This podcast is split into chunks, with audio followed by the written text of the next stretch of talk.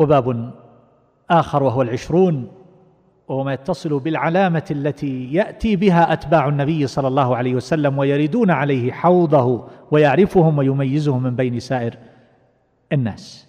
كما قال صلى الله عليه وسلم لما سئل كيف تعرف من لم يأت بعد من أمتك؟ فقال أرأيت لو أن رجلا له خيل غر محجلة بين ظهري خيل دهم بهم ألا يعرف خيله؟ قالوا بلى يا رسول الله. قال فإنهم يأتون غرا محجلين من الوضوء وأنا فرطهم على الحوض. يأتون غرا محجلين. يقول أعرفهم بالغرة والتحجيل من أثر الوضوء. ويقول النبي صلى الله عليه وسلم تبلغ الحلية من المؤمن حيث يبلغ الوضوء يعني يوم القيامة. ويقول إن أمتي يدعون يوم القيامة غرا محجلين من أثر الوضوء. الذي لا يصلي ولا يتوضأ. كيف يعرفه النبي صلى الله عليه وسلم؟ كيف يكون قدومه يوم القيامة؟ كيف يميز؟ كيف سيرد على النبي صلى الله عليه وسلم حوضه؟ ما حليته إذا كانت الحلية تبلغ من المؤمن إلى حيث يبلغ الوضوء فهل هذا يكون له حلية؟ وهو لا يتوضأ أصلا. وهكذا أيها الأحبة من هذه الأبواب وهو الحادي والعشرون. ما جاء في قوله صلى الله عليه وسلم سبعة يظلهم الله في ظله يوم لا ظل إلا ظله. وذكر من هؤلاء ورجل قلبه معلق بالمساجد. فالذي لا يصلي أبعد ما يكون عن هذا. الوصف. ومن هذه الأبواب وهو الثاني والعشرون. ما جاء في قوله صلى الله عليه وسلم من صلى لله أربعين يوما في جماعة يدرك التكبيرة الأولى كتب له براءتان. براءة من النار. وبراءة من النفاق.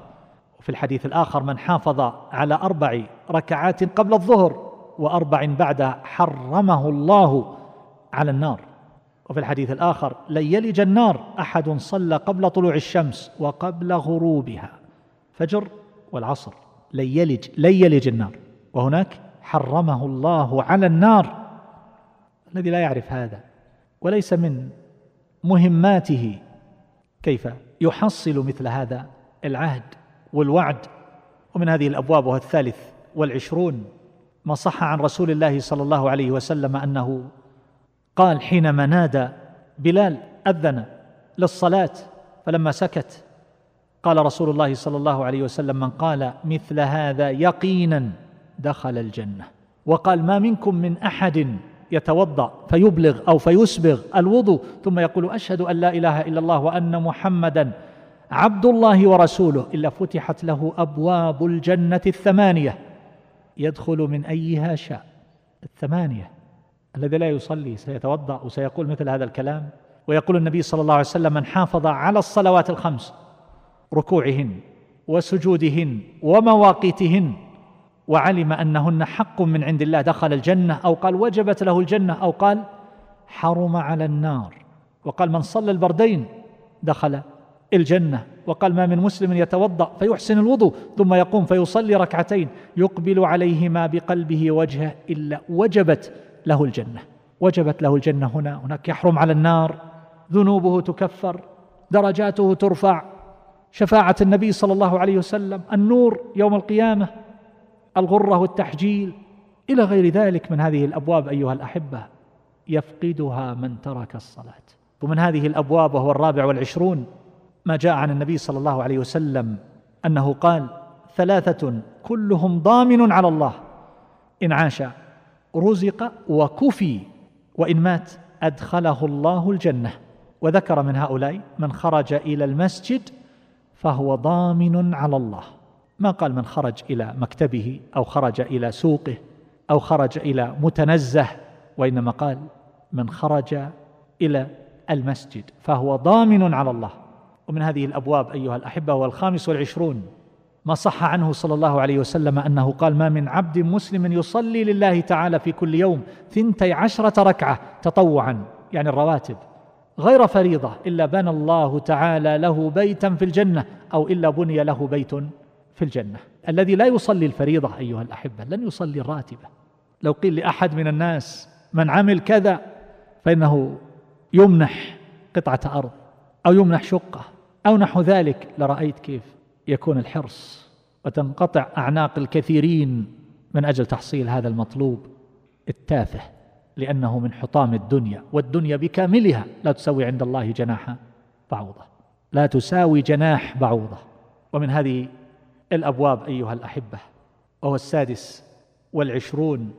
ما صح عنه صلى الله عليه وسلم من أنه قال من غدا إلى المسجد أو راح أعد الله له في الجنة نزلا كلما غدا أو راح. النزل ما يعد ويهيأ للضيف. تصور نزل في الجنة. هذا النزل في الجنة هل يمكن أن يعدله ما في الدنيا من أولها إلى آخرها؟ لو جمعت موائد الأولين والآخرين. إلى يوم القيامة في هذه الدنيا بأنواع المطعومات. هل يمكن أن تعادل هذا النزل في الجنة؟ كلما غدا أو راح وهذا النزل لابد أن يلقاه وأن يجده وأن يحصله يوم القيامة. لابد أن يحصله في الجنة. فهذا الذي لا يغدو إلى المسجد ولا يروح لا يذهب لا في أول النهار ولا في آخر النهار أو يصلي في بيته. هذا النزل في الجنة كم يكون مضيعا؟ هذا النزل في الجنة أيها الأحبة. لو جمعنا أموال الأثرياء والتجار وأصحاب العقار والأملاك والزروع والحروث والدواب هل يمكن أن تعدل ذلك كلما غدا أو راح نزل في الجنة؟ لا يمكن.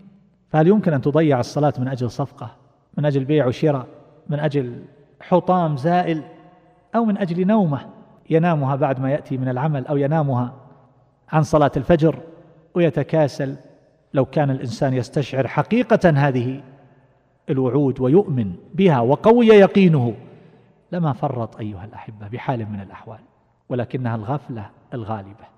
هذه أبواب تنبئ عن غيرها وكما قلت ليس ذلك للحصر وإلا فإن مضيع الصلاة لا يمكن أن يقادر تضييعه وتفريطه وما فاته من الخير والبر والمعروف والدرجات والفضائل ولكنها الغفلة أيها الأحبة.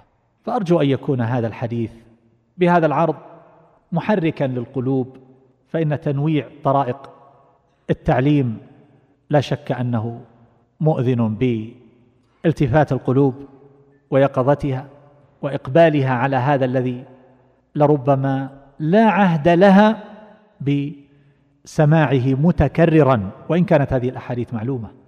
لكن حينما تحرك القلوب بمثل هذه المعاني مجموعة تحت منظومة في فضائل وألوان البر والخير والجزاء عند الله تبارك وتعالى فإن ذلك قد يكون نافعا لكثير من النفوس. فينظر العبد في خسائره وأرباحه وما جنى وما حصل وما يصير إليه.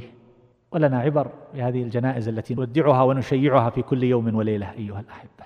أتأمل في هذه النعوش بطانية خلقة يوضع ثم يكون في ملحودة جوانبها غبر بعد الثراء والقصر المشيد وألوان الملاذ والفرش الوثيرة.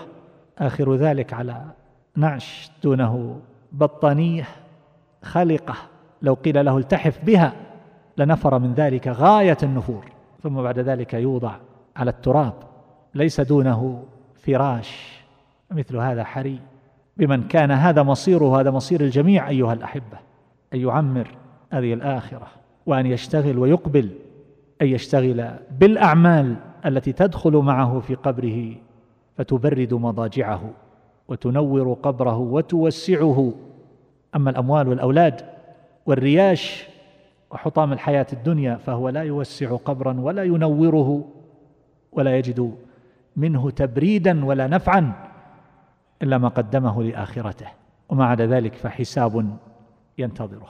هذا وأسأل الله تبارك وتعالى أن يعيننا وإياكم على ذكره وشكره وحسن عبادته. اللهم ارحم موتانا واشف مرضانا وعاف مبتلانا واجعل آخرتنا خيرا من دنيانا. اللهم اجعل القرآن ربيع قلوبنا ونور صدورنا وذهاب أحزاننا وجلاء همومنا. اللهم ذكرنا منه ما نسينا وعلمنا منه ما جهلنا وارزقنا تلاوته آناء الليل وأطراف النهار على الوجه الذي يرضيك عنا. اللهم لا تجعل لنا في ساعتنا هذه مريضا إلا شفيته ولا ضالا إلا هديته ولا ميتا إلا رحمته ولا مدينا إلا قضيت دينه. ولا مهموما إلا فرجت همه. أسأل الله تبارك وتعالى أن يتقبل منا ومنكم وأن يغفر لنا ولكم ولوالدينا ولإخواننا المسلمين. وأسأل الله عز وجل أن يحشرنا وإياكم تحت لواء نبيه صلى الله عليه وسلم وأن يعيذنا وإياكم من الفتن ما ظهر منها وما بطن. وأن نلقاه تبارك وتعالى وهو راض عنا. جزى الله فضيلة الشيخ خير الجزاء. وجعلنا الله وإياكم ممن يستمعون القول فيتبعون أحسنه. وتقبلوا تحيات إخوانكم في تسجيلات الراية الإسلامية بالرياض. هاتف رقم أربعة تسعة واحد واحد تسعة ثمانية خمسة. والسلام عليكم ورحمة الله وبركاته.